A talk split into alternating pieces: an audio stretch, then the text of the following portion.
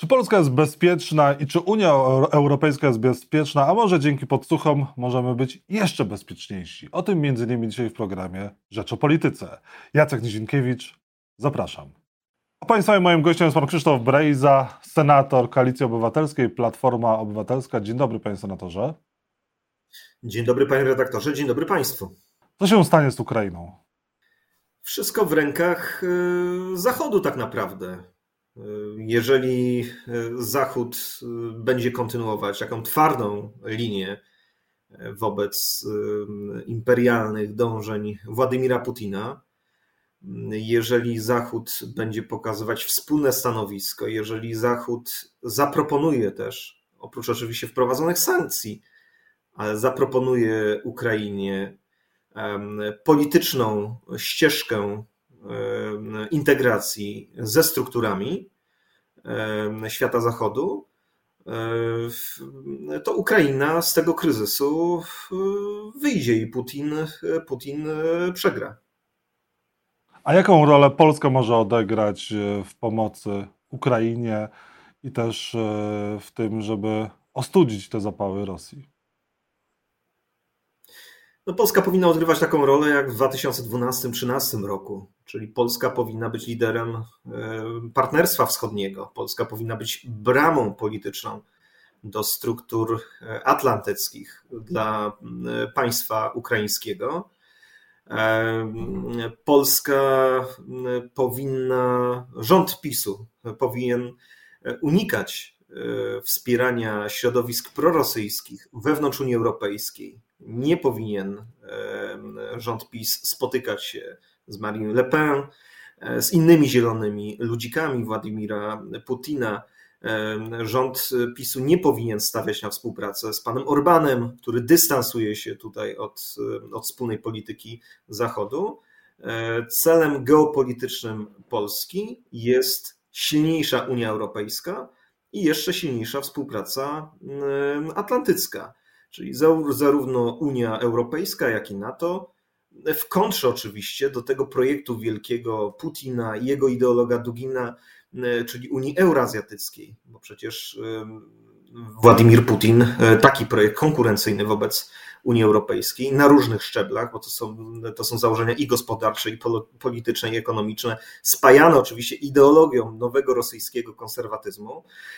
Takie, taki projekt Władimir Putin stara się wdrażać, ale plusem tej sytuacji jest, w tej ciężkiej sytuacji jest to, że, że ta nerwowa polityka Władimira Putina z jednej strony prowadzi do osamotnienia Rosji. Proszę zauważyć, jakie, jakie stanowisko jest Chin też w ostatnich tygodniach, dystansujące się jednak od polityki rosyjskiej.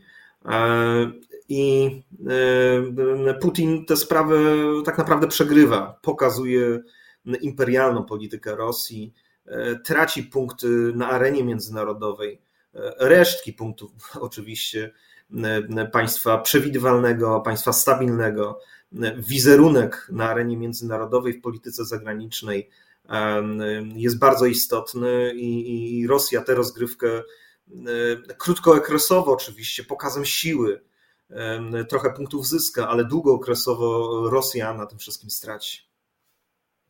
No tak, ale Unia Europejska robi interesy z Rosją w dalszym ciągu, również Polska robi interesy z Rosją. E, sprowadzając chociażby z Rosji gaz. Czy w dalszym ciągu te interesy powinny być robione, czy powinny być twarde sankcje, ale może Polska zaczęłaby od siebie i tego e, gazu, e, tego węgla nie skupowała z Rosji. Trzy lata temu ujawniłem skalę importu rosyjskiego węgla do Polski. Przypomnijmy, co mówili politycy PiSu wiele lat temu, że należy wprowadzić embargo, że węgiel z Donbasu finansy imperialne zamierzenia Władimira Putina. Okazuje się, że zarządów PiS ten import rosyjskiego węgla znacznie wzrósł. To jest oczywiście błąd. Ten węgiel nie powinien być sprowadzany e, do Polski, no ale to też jest wyzwanie dla Unii Europejskiej, wyzwanie dla, dla naszych polityków, żeby włączyć się w projekt wspólnej polityki, e, wspólnej polityki energetycznej wspólnej negocjacji, y, oczywiście na poziomie też energetycznym, stawiania bardziej na odnawialne źródła energii, i nie przepalaniu, nie przejadaniu tych pieniędzy, chociażby które z emisji CO2 powinny trafiać do samorządów, powinny trafiać na projekty transformacji energetycznej. Nie wiadomo, gdzie są te pieniądze. Te pieniądze zostały po prostu przepalone w Polsce. Nie zostały zainwestowane w celu wzmocnienia OZE, dywersyfikacji źródeł i obniżenia tak naprawdę cen prądu w Polsce. E, panie senatorze, i na koniec, a powinien się odbyć mecz Polska-Rosja na wyjeździe? Polska drużyna powinna jechać do Rosji? Uważam, że nie. Ja uważam, że potrzebne są sygnały pokazujące, pokazujące Rosję jako państwo obecnie w tej sytuacji izolowane, środowisko międzynarodowe w różny sposób, na różnych poziomach współpracy międzynarodowej powinno takie jednoznaczne stanowisko wobec tej imperialnej, agresywnej polityki rosyjskiej przyjąć. No, nie żyjemy w XIX wieku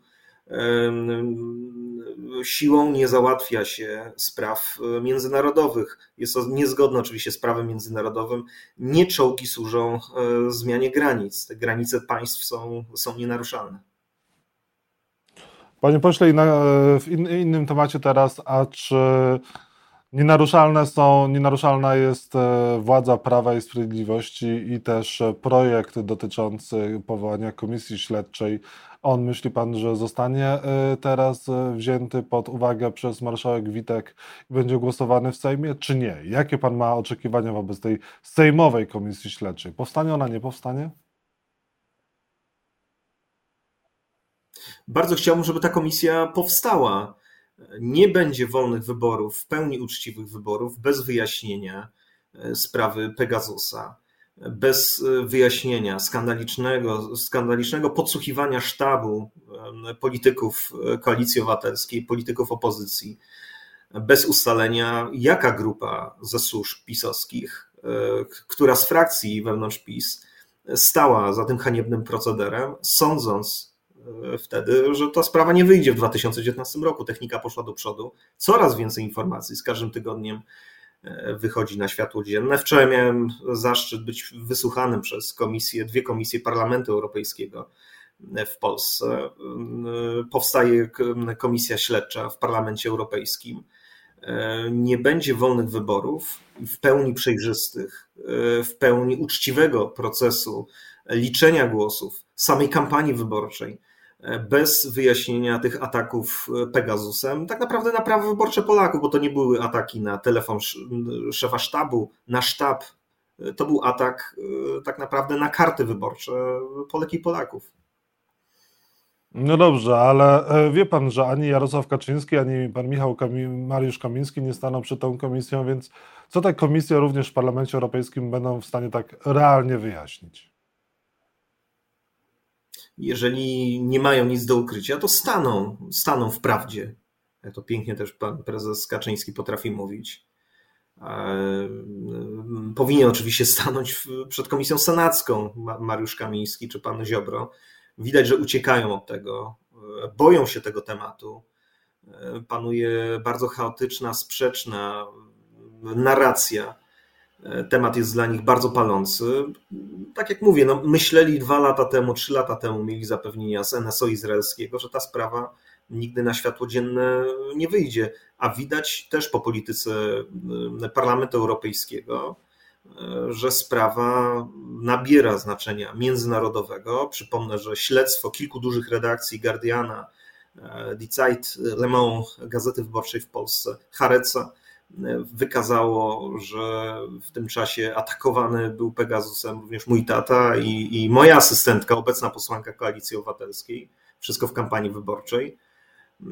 Także ta sprawa z każdym tygodniem, z każdym dniem niemalże przynosi nowe informacje i widać dużą determinację ze strony Europarlamentu do tego, żeby badać tę sprawę pod kątem naruszenia podstawowych praw i wolności obywatelskich, zasad Unii, takich właśnie jak praworządność, ale też zasad przejrzystości i uczciwości procesu wyborczego, co do którego w Polsce są bardzo poważne wątpliwości, bo to śledztwo międzynarodowe redakcji też pokazuje, składa się to na całość, że doszło po prostu do operacji służb wobec, wobec wyborów w Polsce. Wybory zostały rozegrane przez służby specjalne. Dzisiaj przed e, Senacką Komisją e, stanie e, pański ojciec, Ryszard Brejza, prezydent miasta Inowrocławia. Może wokół pańskiego ojca działy się jakieś rzeczy, które doprowadziły do tego, że również pan był podsłuchiwany i podsłuchiwanie pana w trakcie kampanii no było właśnie takim odpryskiem sprawy pańskiego ojca, nie żadnym podsłuchiwaniem szefa kampanii wyborczej największej partii opozycyjnej. Nie ma żadnej sprawy e, mojego ojca. E, nigdy nie było. E, proszę mi wierzyć, że w sprawie zgłoszonej przez prezydenta do prokuratury w 2017 roku zakładanie, że on mógł być, ja miałem być podsłuchiwany, a jeszcze asystentka, dyrektor mojego biura w 2019 roku, no to jest, no to jest niedorzeczna argumentacja. Bardzo bardzo abstrakcyjna. Przypomnę, że ataki na mój telefon zakończyły się kilka dni po wyborach. Przypomnę, że wykradzionej Pegasusem korespondencji użyto do kampanii oczerniającej w tak zwanej telewizji rządowej w środku kampanii wyborczej. Czyli ja mam dowody na włamania Pegasusem nie tylko już Citizen Lab, Amnesty International, czy też, czy też dowody takie, że Izrael cofnął licencję z, z racji na ataki na telefony opozycjonistów, co wskazywałoby, że te dane wyciekły do Izraela, ale dowodów dostarczyła sama telewizja rządowa, publikując treści e, zmanipulowane, treści z mojego telefonu, treści, które można było zdobyć tylko poprzez włamanie do tego urządzenia, bo to były treści z 2014 roku. E, czy inni politycy opozycji, albo może też partii rządzącej również byli podsłuchiwani? Pan ma jakieś informacje, żeby inni politycy do Citizen Lab składali e, zgłoszenie, żeby sprawdzono ich telefony?